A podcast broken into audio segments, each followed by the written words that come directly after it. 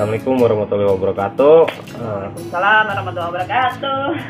Selamat malam semuanya. Biasa nama gua Sandi. Ini mungkin podcast pertama gua. Eh sebenarnya bukan podcast pertama sih, cuman kemarin udah bikin berkali-kali gagal upload karena kurang related untuk dipublish. Dan malam ini gua kedatangan sahabat gua. Biasanya teman diskusi. Kebetulan akhir-akhir ini kita juga sering bahas eh, tentang pendidikan di Indonesia seperti pendidikan formal atau non formal. Langsung aja kita kenalin Risa Fahmi dan Yanti MM. Oh, ya. Apa sih? Jabatannya memberatkan. Oke, eh, salam kenal teman-teman eh, podcastnya Bang Sandi. Namanya apa Bang? Nggak tahu kemarin mah lagi nyari-nyari nama kemarin mah namanya SND Podcast. Soalnya belum move on dari SND. Oh gitu. Jadi untuk ininya sendiri apa namanya? Fan eh, fannya Nggak tahu. Pendengarnya. Pendengarnya ya SND aja lah, nggak tahu lah. Sandis. SND, SND. Oke. Eh, salam kenal saya Risa Fahmi Daniati.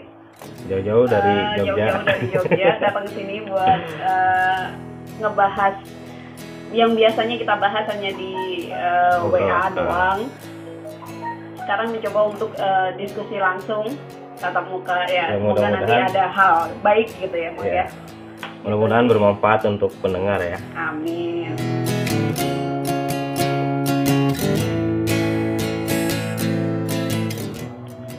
Oke Teh Risa, menurut Teh Risa, Teteh manggilnya atau Mbak sih?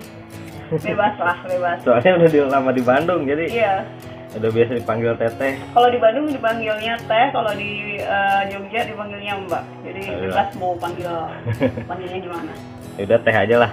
Oke. Menurut Teh Risa, pendidikan itu apa sih? Makna pendidikan atau mungkin pendidikan secara luas gitu? pendidikan ya Eh, ngobrol pendidikan pendidikan itu adalah eh, pembelajaran mengenai pengetahuan kemudian ada keterampilan juga atau hmm, biasanya melalui pengajaran atau pelatihan? Eh, atau juga dari penelitian juga bisa nah biasanya ini eh, dilakukan oleh eh, atau antar generasi ke generasi maksudnya dari guru ke murid Ya. kemudian dari satu orang ke orang lain eh, kayak gitu loh jadi ada apa ya namanya Hmm, kayak di bawah bimbingan orang lain gitu Ada loh. pembimbingnya gitu. Ah, istilahnya. ah, kayak gitu tapi tidak menutup kemungkinan juga kalau ap- apa ya pendidikan itu eh, didapat dari otodidak gitu kata Jadi nggak Harus melulu- formal gitu, nggak Ah, melulu. nggak melulu sekolah, sama nggak ya kan? melulu sama orang lain tapi kita juga bisa belajar eh, sendiri otodidak Apalagi zaman sekarang ya, udah banyak Hmm. banget eh, akses-akses untuk kita ya belajar sendiri. kalau gitu. itu masih ada medianya bang tapi kalau eh, sendiri itu kita bisa melalui pengalaman Oh, iya. nah itu juga merupakan pendidikan sih sebenarnya gitu dan eh, paling pentingnya adalah pendidikan itu seharusnya menjadi hal paling dasar untuk membentuk karakter manusia Pem- gitu. pembentukan karakter, karakter manusia heeh. karakter dan intelektualitas manusia kayak gitu Oke lanjut ya. oke Kemarin kan saya juga membaca sebuah artikel di Indonews tanggal berapa gitu. Mm. Suka tidak suka sebenarnya kualitas pendidikan pendidikan formal gitu ya. Mhm. Kualitas pendidikan di negara kita masih tertinggal jauh dari negara-negara lain. oke Eh, dari hasil survei Program for International Assessment atau PISA Indonesia menempati peringkat 64 di bidang sains dan peringkat 66 di bidang membaca dari 72 negara yang disurvei. Jadi permasalahan pendidikan di negara kita itu apa sih yang menjadikan kayaknya nggak bisa bersaing gitu? Apa kita terlalu kaku atau gimana? Oh, jadi ini ngomongin pendidikan formal gitu ya bang ya? Mm-mm. pendidikan formal. Eh, sebenarnya ini kan menjadi tanggung jawab banyak pihak ya. Mm-mm. pihak dari pemerintah kemudian dari guru kemudian dari kitanya sendiri orang tua dan eh, masyarakat juga. Jadi semuanya terlibat. Ketika memang ada satu problem di sebuah eh, sekolah nah harus dicek nih dari orang-orang tersebut di mananya nih dan biasanya permasalahan yang timbul eh, di sekolah yaitu di sekolah-sekolah formal itu terkait efektivitas daripada eh, pengajaran tersebut gitu. Efektivitas Jadi- kemudian efisiensi standarisasi kemudian ada hmm, apa ya inovasi dalam pengajaran. Lebih ke tepat sasarannya gitu kali ya? Iya, kalau Karena itu eh, efektivitas, maksudnya kurikulumnya efektif nggak sih Nah, untuk itu. karakter eh, anak-anak Indonesia gitu? nah kemarin kan eh, sempat nonton juga di acaranya Mata Najwa Hmm, yang tentang UN itu Oke. kan lagi rame banget kemarin Iya, iya, iya. debatnya juga panjang Iya. pendidikan dari tingkat dasar sampai paling atas eh, perguruan tinggi seharusnya kan mendorong siswa untuk lebih kreatif Iya, benar. tapi faktanya kita kayaknya harus dipaksa untuk mekanistik apa sih mekanistik tuh kayak eh, Mengikuti sistem lah ah, ya. mengikuti sistem yang ada kurikulum yang ada atau apalah itu. Mm, jadi seolah-olah pintar atau tidaknya orang itu cuma diukur melalui tes yang terstruktur di atas kertas yang jawabannya udah disiapin kayak A B C D. Padahal kan eh, karakter seseorang juga nggak cuman eh, udah ditentukan oleh mereka. Misalnya ini seharusnya bagaimana? Dia udah menentukan A B C atau D. Sebenarnya kan nggak harus gitu.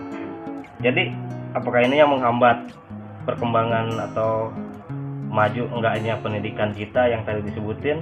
Tertinggal dari 72 negara kita menempati posisi 66 kan miris ibaratnya Oke. gitu.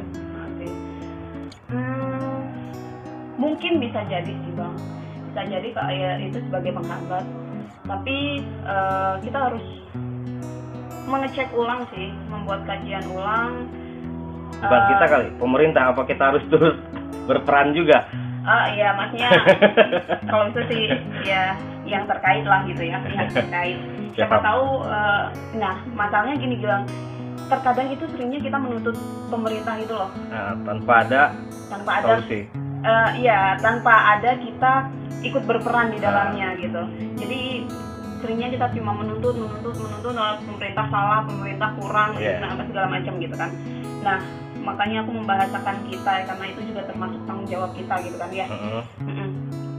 Memang benar sih pendidikan itu eh, harusnya mendorong anak untuk eh, dia fokus terhadap cita-citanya, mendorong cita-citanya. Dia mau apa sih?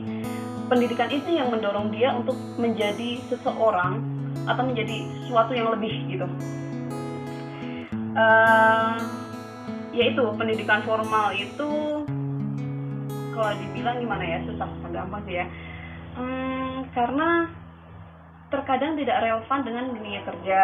nah itu dia itu Terkadang- mungkin kita Ah. bakal bahas di segmen berikutnya Oke. Terkadang tidak tidak relevan dengan keadaan di masyarakat.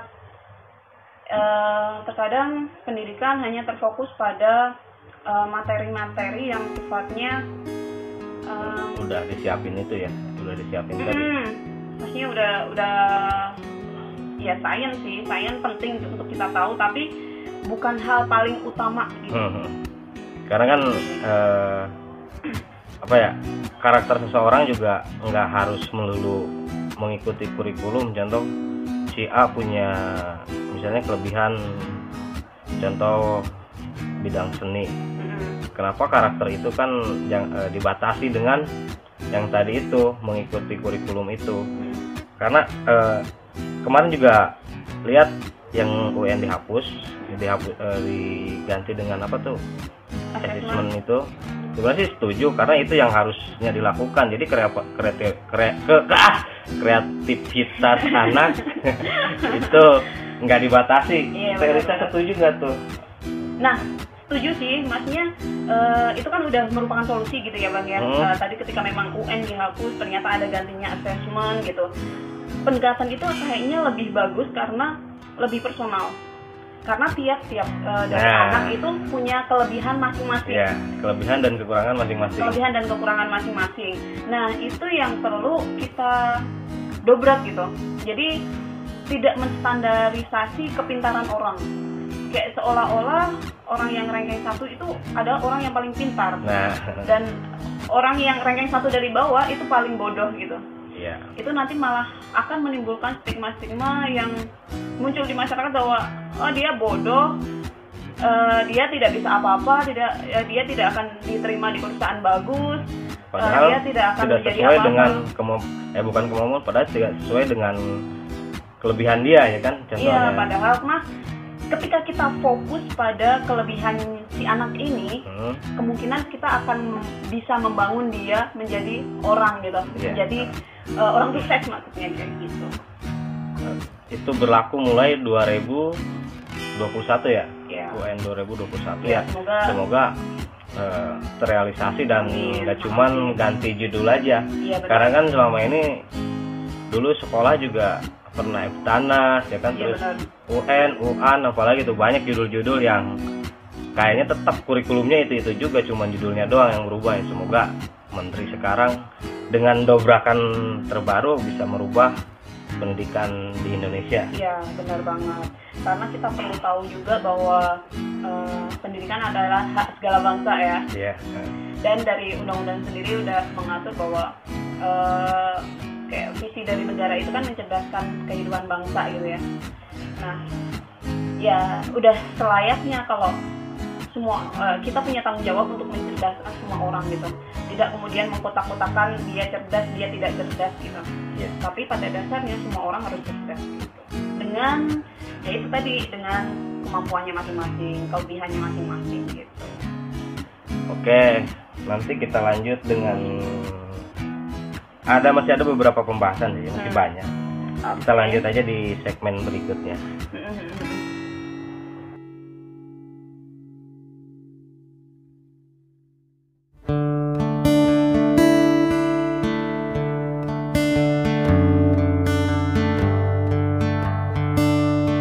Oke, balik lagi Teh Risa. Oke. Tadi kita udah bahas masalah lebih ke pendidikan formal ya. Entah kenapa nih, saya sering mikirkan tentang dunia pendidikan. Nggak tahu nih, nggak tahu mau jadi bapak atau apa. Mungkin karena saya tidak merasakan seperti apa rasanya berada di sekolah tinggi.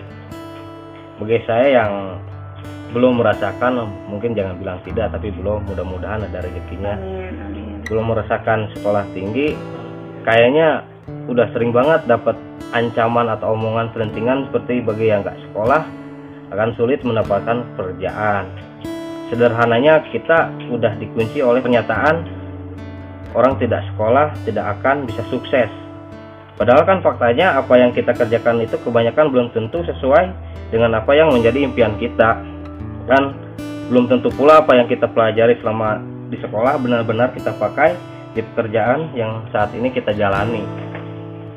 Jadi pertanyaannya sebenarnya untuk apa sih kita sekolah? Karena ini perlu kita pikirkan, bukan saya mengatakan sekolah itu tidak penting, ya kan? Tapi saya mengajak kita berpikir jenak apa yang menjadi alasan kita sekolah tinggi-tinggi untuk apa sih gue sekolah tinggi? Apa yang kita kejar dari sekolah tinggi itu? Gimana tuh Teh Risa? Oke. Eh, tapi sebelumnya aku mau tanya ke Bang Sandi. Eh, Tanya balik, eh. tanya balik ya. Yang dirasain ketika eh, Bang Sandi memang tidak kuliah tinggi dan fakta yang ada seperti apa tuh Bang?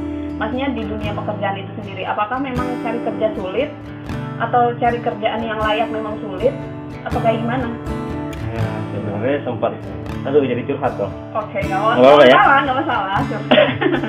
Sebenarnya kalau dibilang sulit ya sulit. Tapi ya balik lagi ke diri sendiri sih. Karena kan kalau kita mikirnya pengen kerja sesuai passion kita awalnya, kalau kita pengen kerja sesuai passion kita ya agak sulit juga misalnya Iya. passion kita di bidang apa tapi ngelamar ke sini ditolak ditolak juga berarti kan kita harus berpikir lagi bagaimana kita untuk bisa tetap kerja gitu kan. Oh gitu. jadi jangan ngikutin passion dulu lah ibaratnya. Untuk kita yang mengalaminya ya. Nah dari situ jadi kita harus berpikir ulang lagi. Kalau dibilang sulit ya sulit. Jadi intinya ada pekerjaan apa aja ya kita ambil dulu lah. Kalau tujuannya untuk kerja. Eh, alhamdulillah sebenarnya eh, bukan sombong ya dari saya Mbak. Bahkan banyak yang sekolahnya tinggi tinggi itu posisinya di bawah saya gitu. Oh gitu. Jadi ya kita mulai da- eh, bukan kita saya mulai dari nol bener-bener nol menekuni suatu bidang ya bener-bener kita tekuni. Saya tekuni pekerjaan di tahun 2010 awalnya ya jadi curhat nih awalnya dengan ijazah SMP itu saya pakai 2010 eh, sempat naik turun lah karir dapat ijazah SMA tapi kayaknya ijazah SMA itu nggak bener-bener sampai sekarang nggak dipakai. Ganti perusahaan tetap pakai ijazah lama tapi kita eh, lambirin apa namanya CV CV kita karena kita udah bekerja gini ya alhamdulillah sih sebenarnya. Kalau dibilang susah iya buat yang nggak mau berkembang gitu aja. Jadi em, gimana ya? Lagi-lagi balik ke orangnya kali ya bang ya lagi-lagi eh, tidak masalah karena pendidikan atau eh, dia berpendidikan atau tidak berpendidikan Heeh.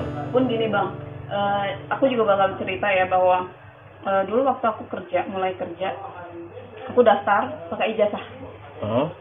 ijazah S1 terus aku bilang ehm, kenapa mau kerja gitu kan saya pengen menggunakan ijazah saya gitu Heeh. Jawabannya dari eh, general manager apa waktu itu pas waktu interview? Ya, apa? Saya nggak bisa kalau eh, kamu kerja menggunakan ijazah kamu IP, IPK aku kan 3,85 gitu. Heeh. dianya malah kayak kalau ya dengan standar segini tuh terus gue harus bayar berapa gitu loh. Berarti? Nah, jadi sebenarnya ijazah atau tidak berijazah itu tuh tidak bermasalah. Pun kerja kemarin eh, setelah aku keluar terus kemudian aku balik ke Jogja, aku kerja lagi dan itu tidak pakai ijazah sama sekali. Aku hanya ketemu eh, ownernya, terus kemudian ngobrol, oh oke mulai kerja. Jadi sekalipun aku kuliahnya tinggi, aku nggak pernah pakai ijazah bang. Iya, jadi karena kan eh yang beredar di masyarakat itu kan eh, ijazah itu kayaknya harga mati untuk Iya. kerja, ya kan? Iya iya iya. Tapi memang benar sih di industri pekerjaan memang sudah eh, di job qualification-nya itu kan ada ya eh, harus lulusan S1, harus eh, minimal SMA atau apa kayak gitu Hmm. selalu menjadi standar. Dan itu berarti kan masalahnya sedikit juga ada di perusahaannya Iya. yang dia secara otomatis memfilter bahwa eh, di eh, pandangan mereka mungkin orang yang berpendidikan tinggi otomatis kemampuannya lebih gitu. Hmm. Tapi penting nggak penting sih sebenarnya ya. Kalau dibilang penting penting, kalau dibilang nggak penting nggak penting gitu.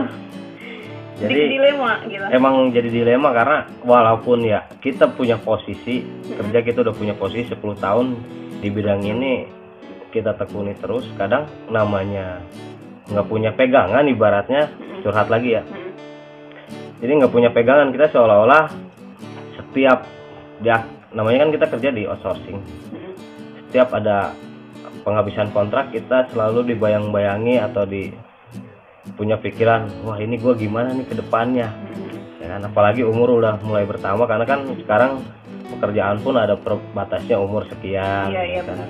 terus eh, ijazah sekian minimal minimal ya minimal SMA D3 atau apa itu udah jadi bayang-bayang sendiri tuh walaupun kita udah punya kedudukan sebenarnya miris juga Iya iya iya benar-benar. Iya sih. Setuju. Pada setuju ya. Saya setuju. Oh, tiba-tiba ya. ada orang masuk dan setuju gitu. Emang ini mau ikut masuk Moy ada Gawe. datang tamu nih Soal gawe gue mau. Sini sini soal gawe nih. Jadi, jadi gitu ya eh gimana ya? Dikit, ya itu sih dikit dilema sih bahwa terus ya balik lagi kita berkaca dari pengalaman diri sendiri aja dulu ya karena kan lebih biar jadi ilmu juga buat orang bukan apalagi pembelajaran bukan nggak mau karena karena saya tuh banyak banget hobi. Hobi banyak yang orang yang nyuruh lo udahlah jadiin kerjaan aja jadiin bisnis aja. Iseng-iseng awalnya bikin video lah bikin foto lah priwet apa segala macem. Cek aja channel SND Entertainment. Nah itu banyak banget sering banget tawaran dari dulu pernah ada dari RCTI nawarin. Terus ada eh, jadi ya dilemanya yang tadi ketika kita ya eh, perusahaan tertarik dengan apa yang kita kerjakan tapi ya tetap ada sebuah filterisasi atau apalah itu mencantumkan D3 yaitu yang membuat kita down itu kan untuk orang yang tidak memiliki jasa tinggi itu dilemanya. Jadi titik permasalahannya itu sih di mana sebenarnya? Karena ya sulit juga buat orang-orang karena kan nggak semua juga bisa sekolah tinggi Iya ya benar. kan Em, gimana?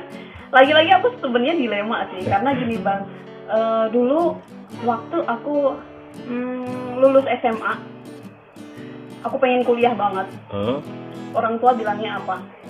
Oke kamu kalau mau kuliah silahkan, tapi aku nggak bisa biayain hmm, sama sekali. Aku pernah kerja di laundryan dan itu aku niatnya cuma eh, apa namanya yang ngumpulin uang siapa tahu nanti bisa ngumpul dan buat kuliah. Satu setengah bulan kemudian aku ditelepon sama teman aku kalau Nisa eh, di sana di kampus aku yang dulu itu ada beasiswa siapa tahu bisa. Hmm. aku langsung daftar oh alam tiba-tiba dipanggil dan bisa kuliah. Jadi jalannya tuh sebenarnya banyak banget gitu. Banyak banget ya. iya kalau dibilang nggak bisa kuliah karena ekonomi dan lain sebagainya mungkin ada benernya tapi tidak menutup kemungkinan bahwa yang tidak punya uang yang punya keterbatasan ekonomi dia juga bisa kuliah. Karena pendidikan atau belajar kuliah itu biasanya untuk orang yang mau Hmm, bukan untuk orang yang mampu. Yang mampu banyak banget tapi yang mau sedikit nah. Gitu. Menarik nih. jadi serius kia Moy ada sini Moy ikutan Moy biar nggak tegang Moy Iya karena kadang kita juga eh, terlalu menyalahkan gitu ya eh, terkait pendidikan, terkait ekonomi, terkait apa pun itu. Padahal lagi-lagi kan baliknya ke kita gitu. Niatnya seperti apa? Kita termasuk orang yang risk taker nggak sih? Hmm. Mengambil berani ngambil resiko gitu. Nah, iya ya. Eh tadi mau ngomong apa jadi lupa ya. Masalah pendidikan ijazah ya, sekolah tinggi ya. Eh, oh iya tadi bilang untuk biaya eh, apa untuk biaya pendidikan yang beruntung lah ibaratnya untuk biaya pendidikan yang kurang dana atau apa keterbatasan dana ekonomi beruntunglah eh, generasi sekarang karena kita sebenarnya kalau zaman sekarang itu sekolah udah banyak banget yang Yang gratis gratis ya. ya kan Eh, dari situ juga sebenarnya apa ya eh, peluang kita untuk menempa pendidikan tinggi juga terbuka lebar Mm-mm. pemerintah memfasilitasi ting- tinggal balik lagi ke kita ya kan Iya, Makanya sangat sayang banget kalau orang udah sekolah menyanyiakan itu ya kan Iya, iya benar. apalagi ya yang tadi kita punya pengalaman itu karena kita di- dibuat dilema Mm-mm. walaupun sebenarnya penting atau nggak penting ya pentingnya kita punya pegangan beratnya Mm-mm.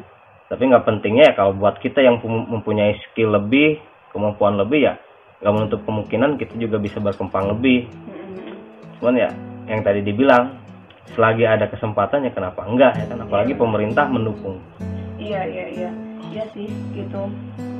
Ibaratnya rugi lah gitu Tapi banyak juga em, teman-teman kita yang sudah kuliah tapi menjadikan eh, ijazahnya sebagai apa ya? Bisa dibilang sarjana kertas. Kenapa Nah. sarjana kertas gitu? Karena memang Tujuh. setuju ya, oke. Tujuh. Ya memang nggak sedikit sih orang-orang yang seperti itu gitu.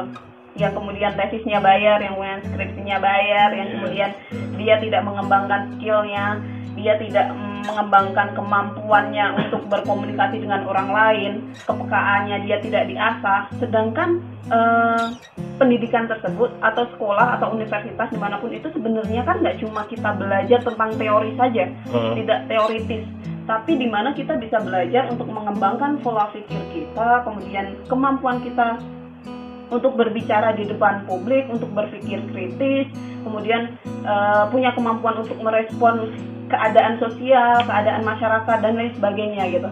Itu yang harusnya apa ya menjadi eh, ya harus kita sadari gitu bahwa pendidikan itu nggak so, eh, nggak soal belajar angka gitu banyak yang sisi baiknya ya Iya, heeh, benar. Makanya kalau bisa belajar itu jangan jangan textbook gitu. Mhm. Jangan textbook saja, tapi mencoba untuk belajar banyak hal. Belajar em, kalaupun dia memang orang manajemen, coba deh belajar eh, apa ya namanya? hmm, ilmu lain lah gitu iya yang kemudian eh, kemampuannya akan bertambah gitu atau eh, pemahamannya tentang sesuatu itu akan berkembang gitu. Oke udah panjang lebar Ini nyambung nggak sih aku ngomongnya? ya nggak masalah lah yang penting nanti kita tarik kesimpulan aja di Oh, akhir boleh. Ah, segmen oke. Betul. kita ada segmen satu segmen lagi mungkin ya Teresa kita ngopi dulu aja Ngebreak.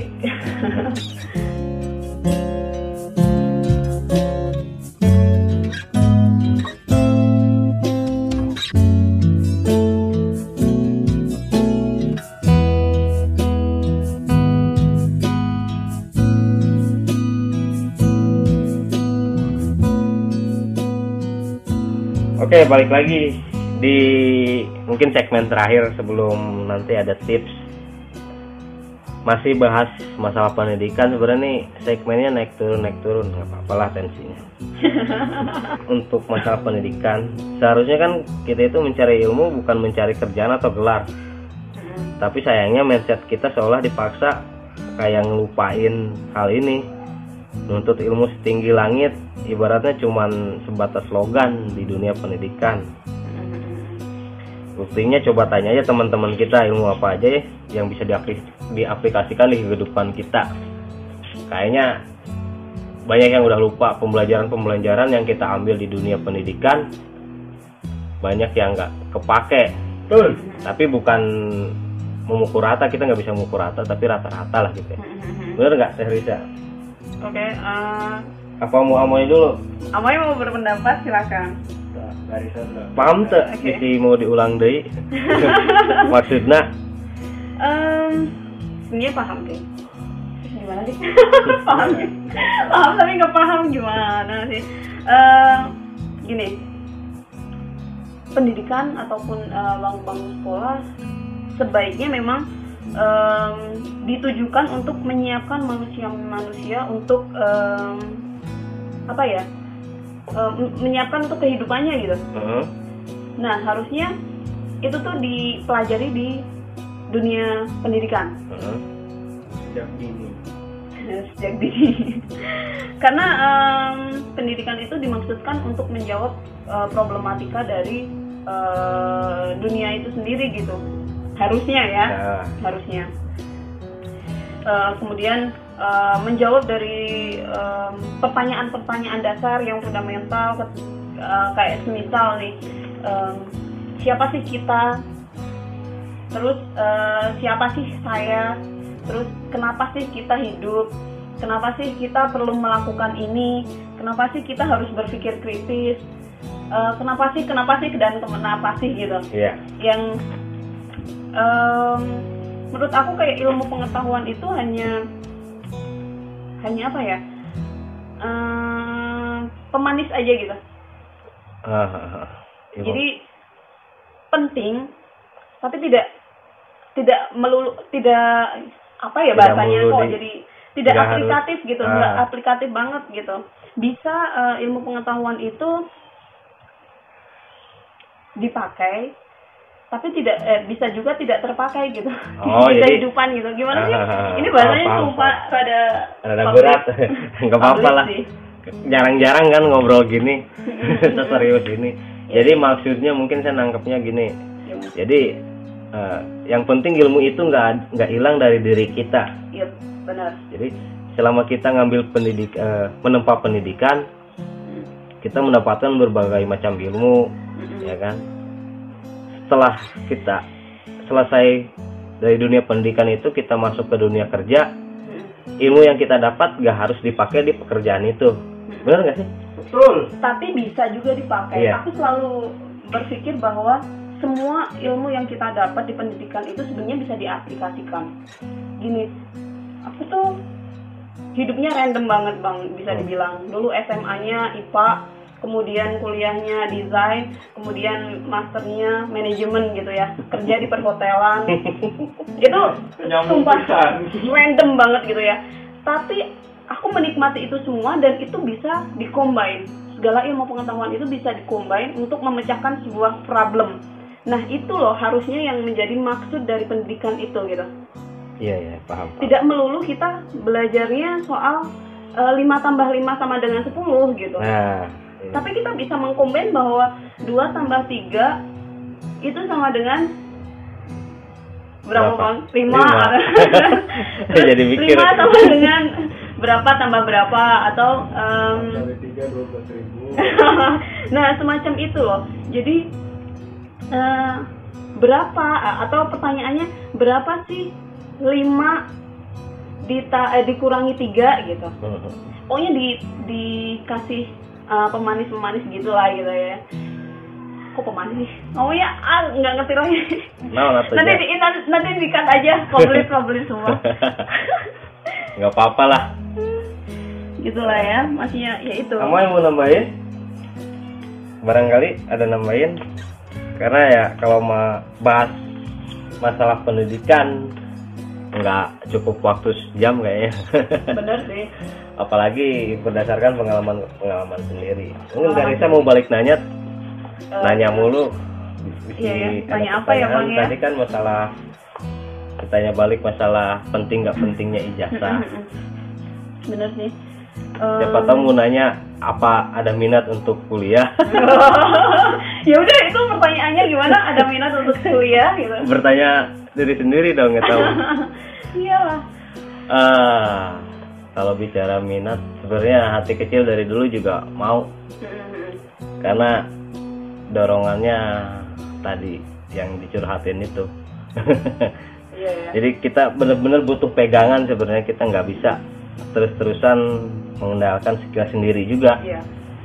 Kita harus ada eh, dasarnya atau apanya ya non pabelit juga. Ya itu pegangan itu sendiri suatu saat dibutuhin pasti penting ya kan? Penting mungkin itu aja sih. Mm-mm. lebih ke itu. Mungkin gini bang aku mau ngasih alternatif bahwa tidak melulu em, ijazah itu penting gitu. Ketika memang kita tidak punya kesempatan untuk eh, apa ya mengenyam pendidikan yang lebih gitu. Ya karena benturan umur benturan eh, ekonomi benturan kebutuhan dan lain-lain gitu tapi ketika memang kita punya passion Hmm. yang memang kita eh, yakini itu bisa berkembang, itu bisa menghidupi kita, ya itu tekuni gitu. Karena banyak em, pengusaha-pengusaha yang memang mereka tidak membutuhkan ijazah gitu. Ya. Tapi dia tidak bekerja pada orang, Ya. dia menciptakan pekerjaan itu sendiri. menciptakan lapangan kerja sendiri Iya itu.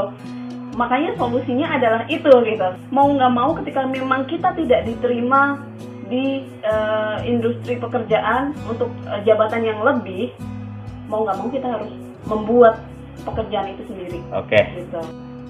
oke terakhir tipsnya apa aja sih ada ada tips yang mau disampaikan nggak buat pendengar kita Hmm, tipsnya apa ya? Hmm, pokoknya jangan membatasi eh, ruang belajar kita. Hmm? kita bisa belajar dari uh, buku, kemudian dari apa ya konferensi, dari workshop, dari atau bahkan dari pengalaman hidup kita sendiri, Sekolah alam raya. sekolah alam benar, kursus dan lain-lain. Banyak hal lah yang bisa kita pelajari dari dari semuanya gitu. Kemudian em, mencoba untuk mempelajari atau membaca sesuatu yang tidak hanya di minat kita saja gitu Hmm? karena itu eh, menumbuhkan mampu menumbuhkan pemahaman kita terhadap sesuatu atau cara pandang kita terhadap sesuatu gitu. Iya. lebih lebar lagi tidak mudah menjudgment tidak mudah mm, mengucilkan tidak mudah ah ini mah gampang ini mah eh, apa gitulah ya. Gitu Eh, kemudian mencoba untuk mulai bicara atau berdiskusi dengan orang-orang yang memang eh, sudah hebat gitu ya.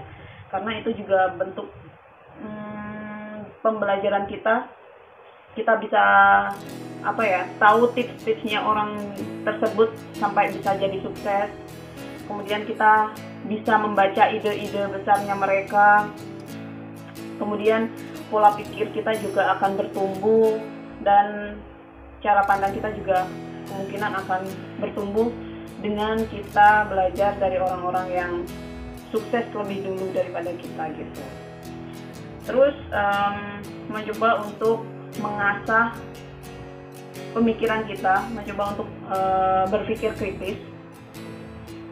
Kemudian yang perlu kita ingat bahwa pendidikan itu adalah berbagi. Kenapa berbagi?